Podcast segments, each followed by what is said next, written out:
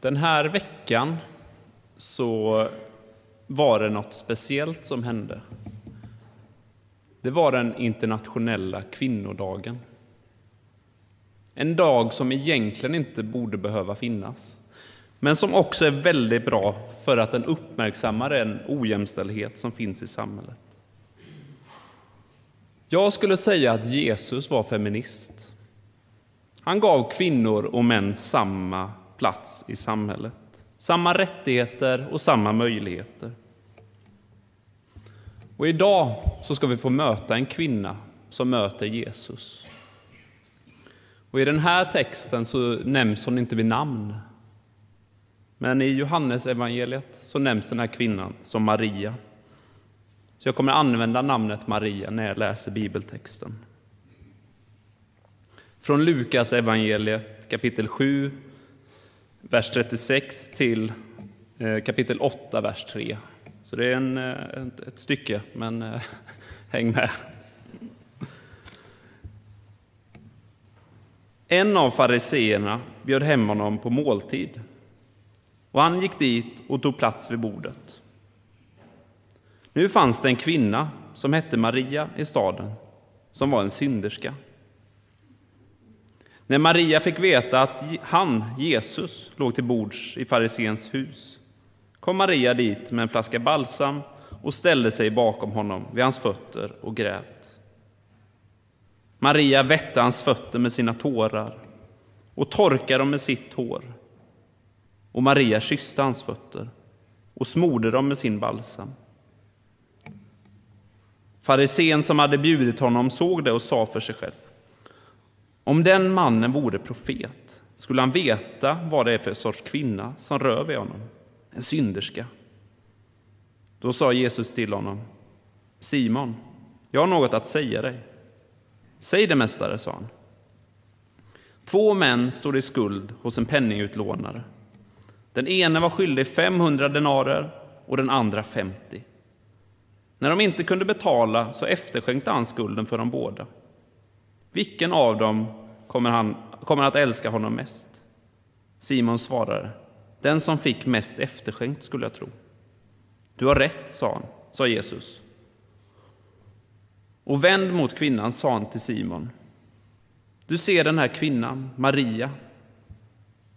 Jag kom in i ditt hus och du gav mig inte vatten till mina fötter. Men Maria har vett mina fötter med sina tårar och torkar dem med sitt hår. Du gav mig ingen välkomstkyss, men Maria har kysst mina fötter hela tiden sedan jag kom hit. Du smorde inte mitt huvud med olja, men Maria har smort sina, mina fötter med balsam. Därför jag säger jag dig, Maria har fått förlåtelse för sina många synder, ty hon har visat stor kärlek. Den som får litet förlåtet visar liten kärlek. Han sa till Maria, dina synder är förlåtna. Och de andra vid bordet sa då för sig själva, vem är han som till och med förlåter synder? Men Jesus sa till Maria, din tro har hjälpt dig, gå i frid. Därefter vandrade han från stad till stad och från by till by och förkunnade budskapet om Guds rike. Och med honom följde de tolv och några kvinnor som hade blivit botade från onda andar och från sjukdomar. Maria, hon från Magdala, som sju demoner hade farit ut ur, Johanna, hustru till Herodes förvaltare, Kusas, Susanna och många andra, som alla hjälpte dem med sina tillgångar. Det var texten, en lång text, men ändå viktig. Men Maria, vilken eh, kvinna! Hon hade ett rykte om sig som synderska. Och hela samhället såg på henne som en synderska. En person som man inte skulle ha någonting att göra med. Hon var utstött. Kanske oälskad, kanske oönskad. Hon hade det nog inte så lätt om vi sätter oss in i hennes liv, eller försöker sätta oss in. Kanske gick människor omvägar, undvek, talade om henne. Kanske var hon ett mobboffer. Så får hon höra att Jesus är hos farisén. och äter middag. Och så tar hon sig till farisén, någonting som antagligen inte alls var lätt att göra. För fariseerna var liksom ett, ett folkslag eller ett gäng med människor som ville att det judiska folket skulle vara Guds folk. Och de betonade alla renhetslagar och så ville de hjälpa människor att följa Guds vilja. Fariseerna var inte präster, men de var lekmän och hade som sagt ett högt rykte. Och de hade som ambition att försöka omsätta Guds lagar och regler till deras samtid. Därför var det ofta så att man diskuterade lagar och regler som farisé. Och Jesus hängde en del med fariseerna. Ibland kan fariseerna ha lite oförtjänt dåligt rykte. Jesus uppskattar att prata med dem, vända och vrida. Men det han inte uppskattade var att fariseerna ja, men, skulle vara så präktiga, att de skulle visa precis allting de gjorde. För att folk skulle se, ja men titta på fariseerna, de är så himla bra. Det var det Jesus ställde sig emot. Och med den bakgrunden så sitter farisén där och muttrar. Han skulle bara veta vilken kvinna det var. Så svarar Jesus med liknelsen om två män som hade lånat lika mycket pengar, äh, olika mycket pengar. Den ena 500 denarer, den andra 50. Så kunde inte de betala. Och han som lånade ut pengar sa att Nej, men vi stryker den skulden. Och så ställer Jesus frågan, vem av dem älskade honom mest? Jo, det var ju han som fick mest. Så tog han Maria som exempel. Hon som trycktes ner och såg längst ner i hierarkin, tog Jesus och lyfte upp, satte upp på en pedestal. Hur mycket hade hon inte gjort och offrat för att ta sig till Jesus? Hur mycket hade hon inte gjort för att visa sin vördnad för Jesus? Gråtit på hans fötter, torkat med hennes hår. Och farisén hade inte ens gett möjlighet för Jesus att tvätta fötterna. Som är liksom en, se, en god sed att göra.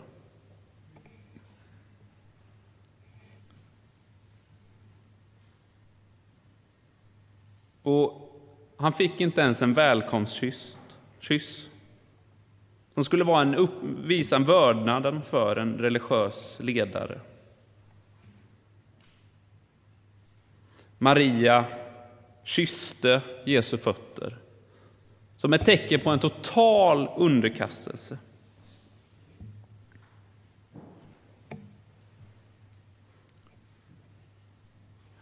Nu är det dags att vakna. Det ringer här något alarm. Så, gött. Eh. Nej, men Maria hade investerat väldigt mycket och fick då väldigt mycket tillbaka. Hon kanske fick den största och viktigaste gåvan av Jesus, nämligen upprättelse, förlåtelse för allt hon hade gjort. Maria var nu fri, återupprättad och förlåten kvinna. Och det muttrades i leden. Nu förlåter Jesus till och med synder. Något som endast Gud kan göra. Men så är det som Jesus säger. Strunta i dem nu. Gå. Din tro har hjälpt dig. Gå i frid. Vad kan vi lära oss av den här texten? Hur sätter vi in den här texten i vårt sammanhang? En grej jag tänker, som texten vill säga oss, är att vi inte ska tänka så himla mycket om varandra och andra. Ibland kan vi vara snabba med att tänka vi och dem. Hur man ska vara, hur man inte ska vara. Vad som är rätt och vad som är fel. Tänk vad många människor som har farit illa av det tänket. I ett tidigare kapitel här så säger Jesus Döm inte, så blir ni inte dömda. Frikänn, så blir ni frikända. Tänk om vi kunde leva efter det. Vi som kristenhet i stort har många gånger sagt att man ska vara på ett speciellt sätt. Och kanske har vi velat stoppa in människor i en box. Lev så här, var så här, var lika. Ha samma intressen. Se ut på ett speciellt sätt, gör vissa saker. Kanske kan vi sociologiskt förklara det, att man vill tillhöra gruppen, inte sticka ut för mycket. Och finns det människor i en grupp av människor som tänker olika så måste man anpassa sig efter det. Det skapas liksom lite friktion när vi är olika. Så försöker man få till den där boxen så kanske det är så att man inte behöver förändra sig. Och det är ju skönt. Men den här texten pekar på något helt annat. Och tänk om den här boxen som vi försöker göra, att den stänger ute människor från mötet med Jesus. Maria kom som var annorlunda och utanför, som hade en stämpel i samhället. Jesus tog henne som exempel inför hela gemenskapen och påverkade hela det sammanhanget som var där. På samma sätt som Jesus var feminist så var han också för mångfald. Jesus är ju så mycket mer än vad vi kan tänka. Så mycket större än vad vi kan tänka.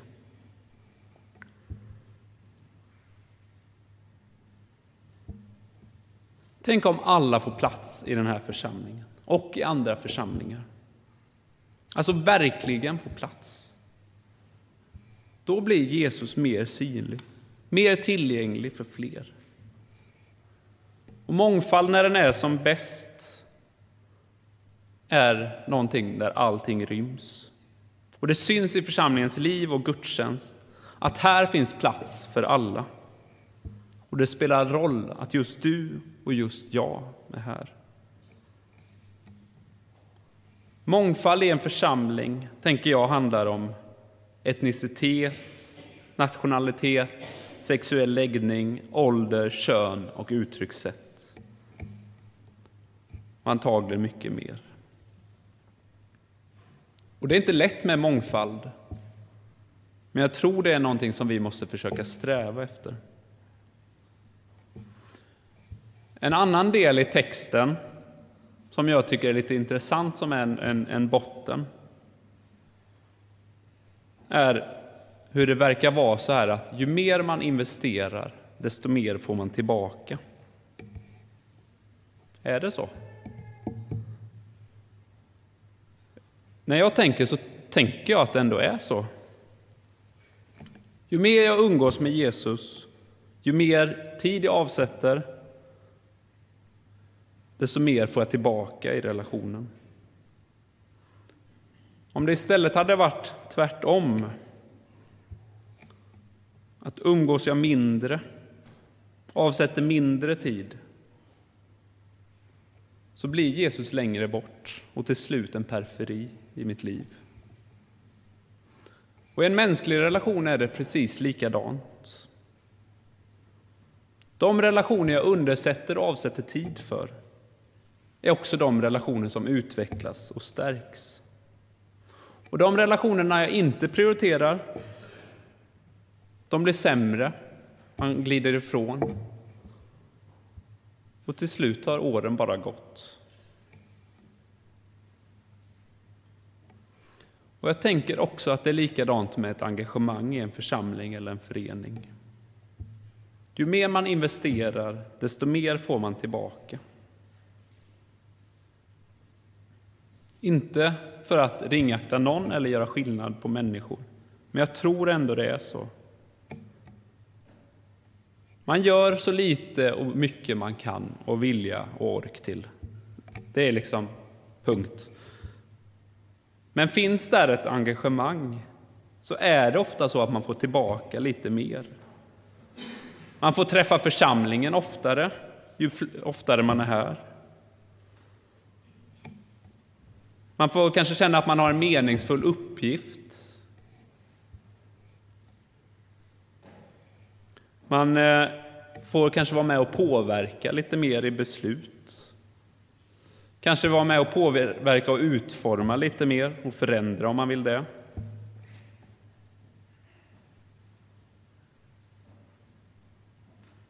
Kanske också att man får lite större förutsättningar för att underhålla relationen med Gud.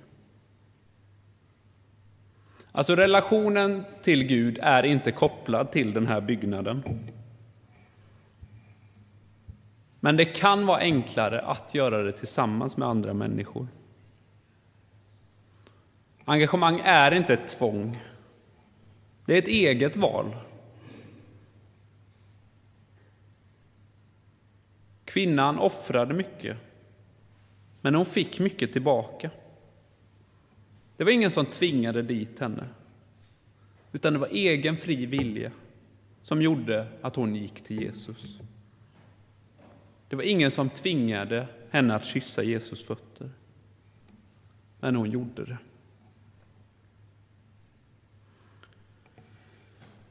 Just nu så går jag och Frida ett träningsprogram där vi ska träna varenda dag. Och jag lever typ på grekisk yoghurt. Det är liksom, eh, inte riktigt, men det känns så. Jag får inte äta semlor, jag får inte äta lösviktsgodis, jag får inte äta pasta. Det är inte sådär jättekul. Det är ändå att offra lite. Eller att när, vi, när klockan är tio, man börjar känna nu är det nog dags att lägga sig. Ah, jag glömde göra de där 40 armhävningarna eller vad det är. Då ska man börja med det på kvällen när man egentligen bara vill sova eller titta på TV. Kanske att vi offrar mycket, men vi känner att vi får mycket tillbaka. Och det är ju självvalt det vi gör. Och vi känner att vi mår bättre och att vi, att vi kämpar oss igenom det här.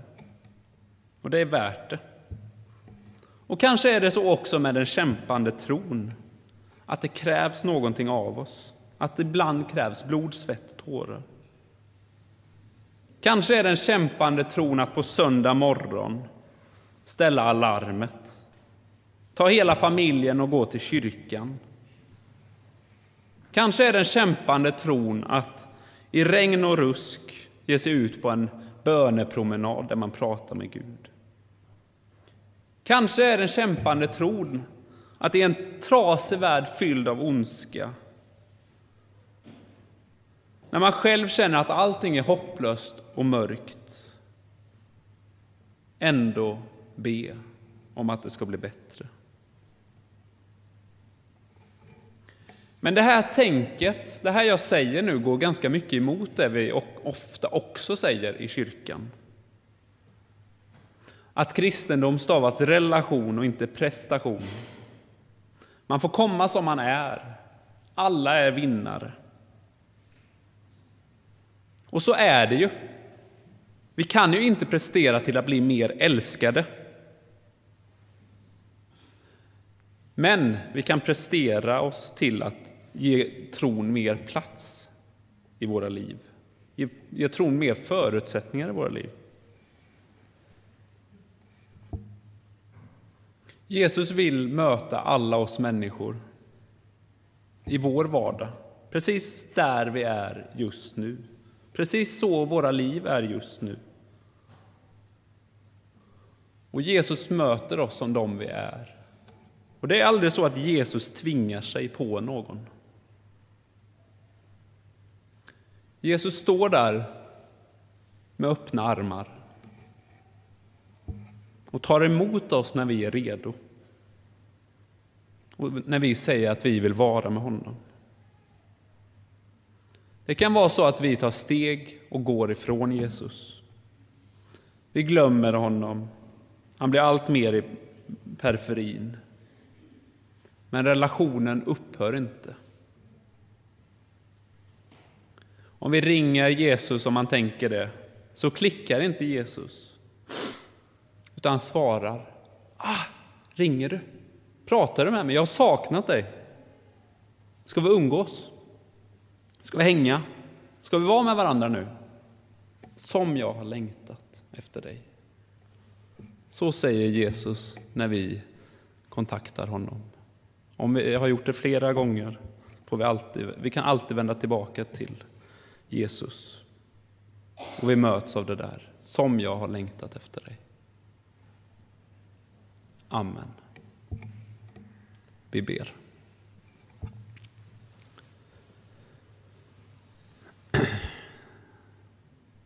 Jesus, tack för Maria, tack för det hon kan lära oss. Herre, du ser att det inte alltid är lätt att, att tro. Du ser att det ibland krävs lite och att vi får kämpa. Du ser att vi får offra saker. Men Herre, hjälp oss att känna att, att det är värt det. Tack för att möten med dig uppstår. Tack för att du står där med öppna armar och tar emot oss igen och igen och igen. Tack Jesus för att du säger till oss när vi har varit borta från dig, som jag har längtat efter dig. Nu hänger vi. Amen.